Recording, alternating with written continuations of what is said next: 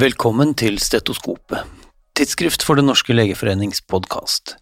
Hver annen uke med vår journalist Caroline Ulvin Johansson og helseaktuelle gjester i studio, og hver annen uke Redaktørens hjørne der jeg, Are Brean, sjefredaktør i tidsskriftet, gir deg en høyst subjektiv gjennomgang av de nyeste forskningsartiklene, sakene og debattene i de største internasjonale generellmedisinske tidsskriftene. Glemt, men ikke forsvunnet. Det er tittelen på en eh, Viewpoint-artikkel om covid-19 i Journal of the American Medical Association, YAMA, denne uken.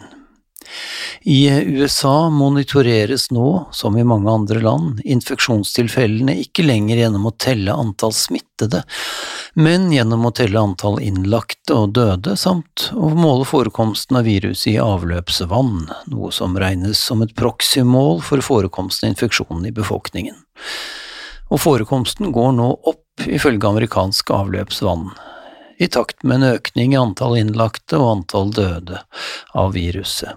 Likevel, økningen er liten sammenlignet med de høydramatiske tall vi så under pandemien, og ifølge de siste beregninger hadde 97% av den amerikanske befolkningen antistoffer mot SARS-CoV-2, enten som en følge av gjennomgått infeksjon eller som en følge av vaksinasjon eller begge deler og foreløpig, inntil eventuelle enda mer aggressive varianter utvikler seg, holder dette tallene på antall innlagte og antall døde på et akseptabelt nivå. Hva er så viktig fremover? Vel, i en amerikansk setting er det, ifølge artikkelforfatterne, å fortsatt beskytte den mest sårbare delen av befolkningen. Dette inkluderer å gjøre vaksiner, beskyttelsesmasker, testing og antivirale midler lett tilgjengelig, og ikke minst å drive selvisolering, det må de gjøre som er smittet. Mens eh, covid-19 ikke lenger er en trussel mot folkehelsen som sådan, så vil smittebølger likevel oppstå i overskuelig fremtid. Hvor alvorlige disse blir, vil avhenge av virusets oppførsel, men også, enda viktigere, av menneskers oppførsel, skriver de i Yama. I forlengelsen av dette, i Yama Network Open ble det nettopp publisert en stor kasuskontrollstudie fra Frankrike som har analysert hvordan risikoen for SARS-CoV-2-infeksjon utviklet seg gjennom pandemien for familier med barn. Gitt at studien er gjennomført i en europeisk setting, og at nettopp skole- og barnehagestengning utløste en stor debatt her hjemme i Norge, er resultatene interessante. Nærmere 700 000 laboratorieverifiserte tilfeller ble identifisert gjennom pandemien. Etter kobling med opplysninger om antall barn i husholdningen, så ble det funnet en klart risiko, økt risiko for infeksjon hos voksne individer som bodde sammen med barn. Spesielt gjaldt dette under delta- og omikronbølgene, og dersom man bodde med barn under seks års alder og risikoen for å bli smittet økte også signifikant under de senere deler av pandemien for voksne som bodde med eldre barn helt opp mot 14 års alder. Hva betyr så dette? Jo, at det er en grunn til å ha et ekstra årvåkent øye under senere og lignende pandemier på sårbare voksne som bor med barn i sin husholdning. De er altså mer utsatt for smitte enn andre. Vi forlater ikke pandemier riktig ennå, selv om vi forlater koronapandemien for denne gang. For hva skjedde med mpox-pandemien, spør Tony Kirby seg i siste utgave av The Lancet. Og for de som måtte ha glemt det, mpox er det nye navnet på viruset tidligere kjent som apekoppevirus. Det er infeksjonen som spredde seg pandemisk over store deler av den vestlige verden sommeren og høsten 2022, i hovedsak hos menn som har sex med menn. Verdens helseorganisasjon erklærte situasjonen for en public health emergency etter at mer enn 16 000 tilfeller var rapportert. Men så, utover høsten 2022, begynte antallet tilfeller ganske plutselig å synke bratt. Hva skjedde der, egentlig? Det fantes bare én vaksine, det er den samme som benyttes mot vanlig koppevirus, men eh, alle affiserte land, inkludert Norge, hadde bare helt begrensede lager av denne vaksinen og måtte prioritere de mest utsatte gruppene, så som sexarbeidere og seksuelt aktive menn som hadde hatt flere tidligere eh, seksuelt overførbare infeksjoner. Men vaksineringen begynte sannsynligvis for sent og var for lite omfattende til å ha vært hovedårsaken til at infeksjonsraten gikk kraftig ned utover høsten 2022.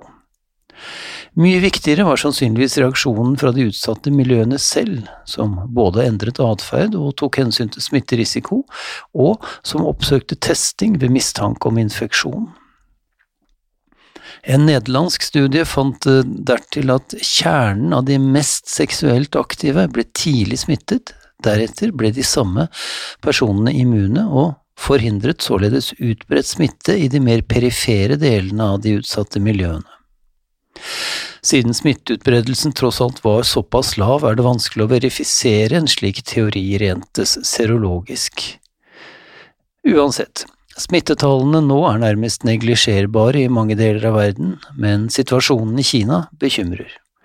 Og smittetallene der har ingen utenfor landets helsemyndigheter innblikk i.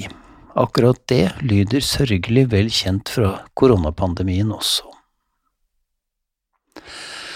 Vi holder oss til infeksjoner enda en liten stund for FNs generalforsamling holder et høynivåmøte om tuberkulose denne uken, den 22. september.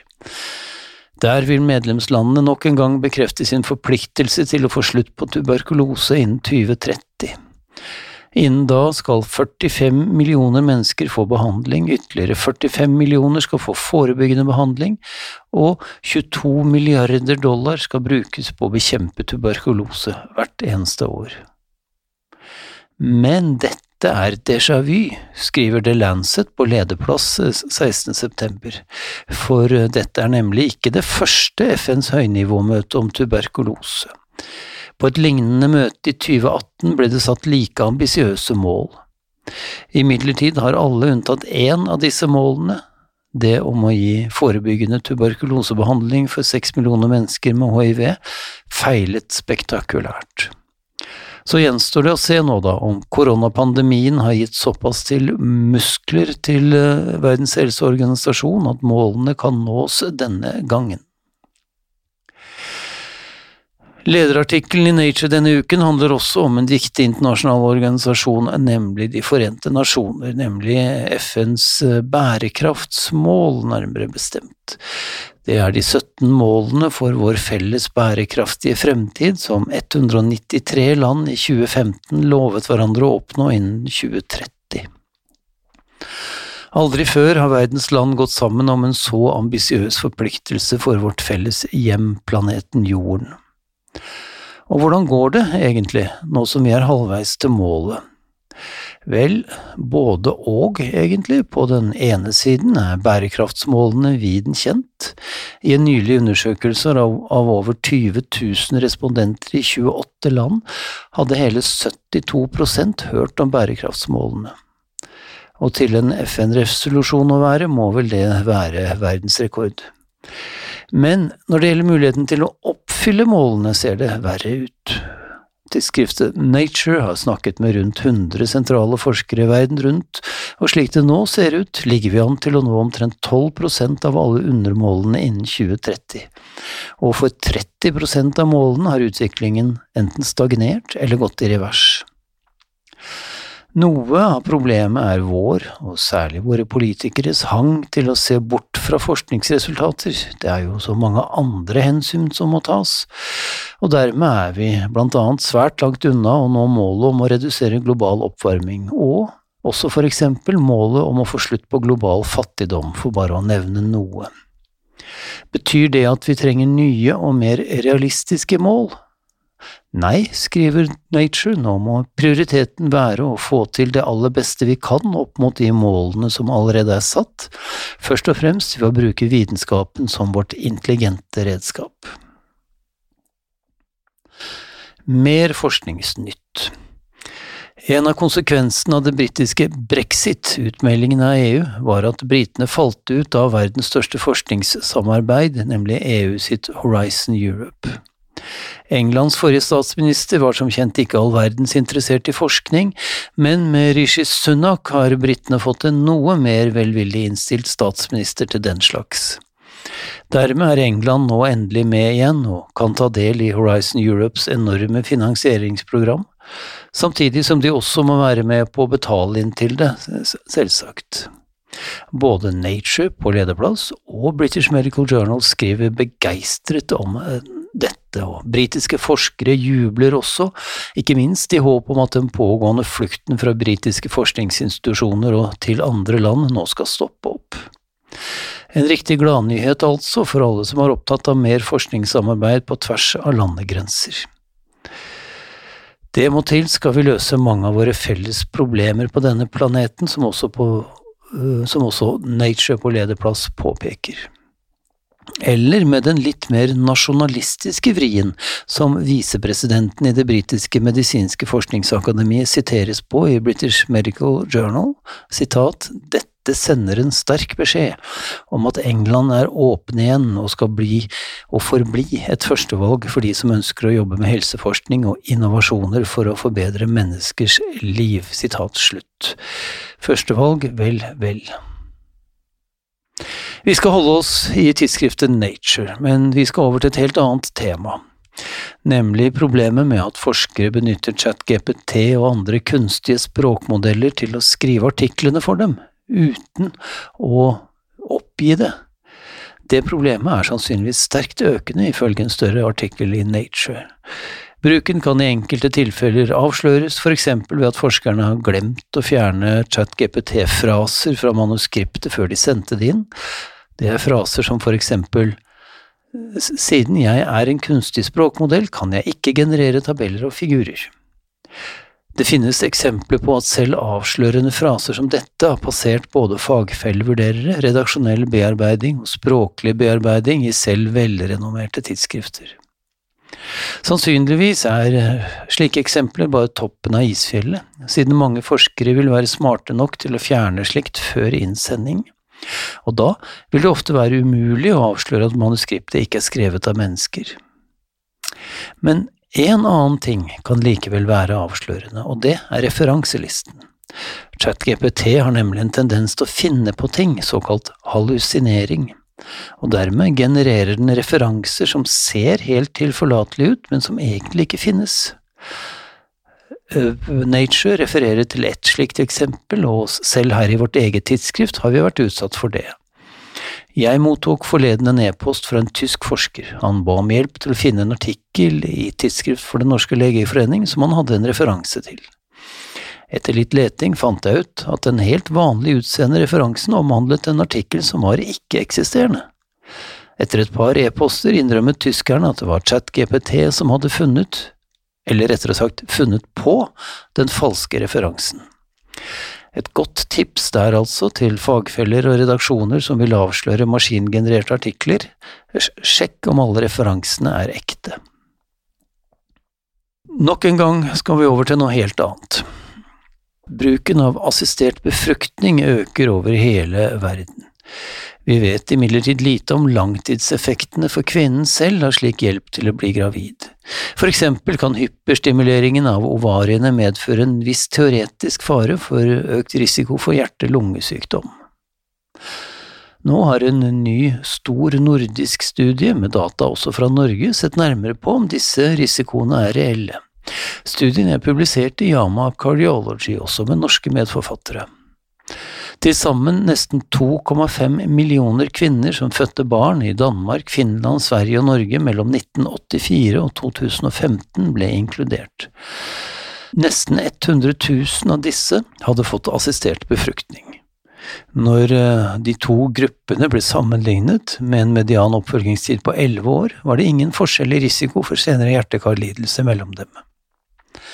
I dette materialet altså ser assistert befruktning ut til å være trygt også i et langtidsperspektiv.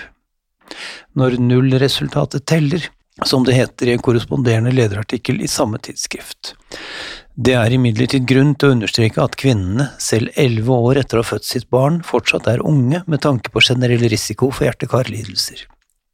Ytterligere langtidsdata trengs derfor også her.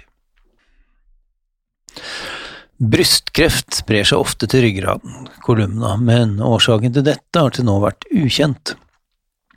En teori fra 1940 postulerte at årsaken kunne være bølger av retrograd blodflow i forbindelse med hosting, som så å si propellerte kreftcellene inn i ryggvirvlene.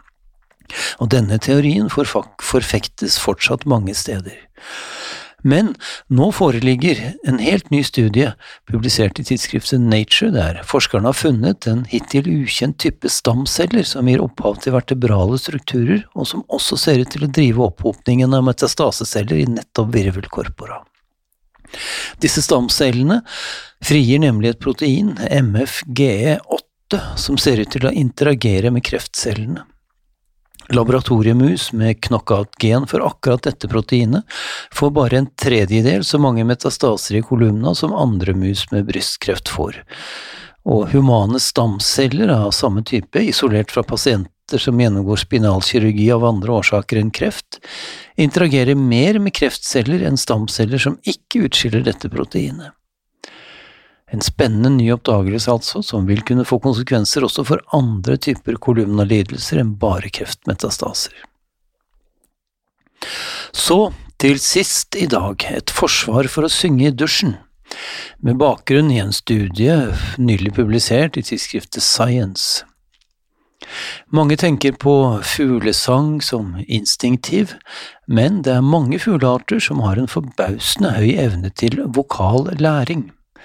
Det er en egenskap de deler med mennesker, og som blant annet er avgjørende for vår språkutvikling. Og vokal læring er også knyttet til kompleks kognisjon. I denne nye studien har forskerne gjort atferdseksperimenter med 20 ulike arter sangfugler for å teste om evne til stemmelæring var relatert til en rekke kognitive ferdigheter. De fant at artene med de mest komplekse vokale læringsevnene også var de beste problemløserne og hadde de største hjernene i forhold til kroppsstørrelse. Nå vet vi jo riktignok ikke retningen på denne sammenhengen, eller om den i hele tatt er kausal, men likevel, jeg tar sjansen på å friskt konkludere. Syng! Ikke bare for å bli glad, men kanskje også for å bli intelligent. Vi høres neste gang.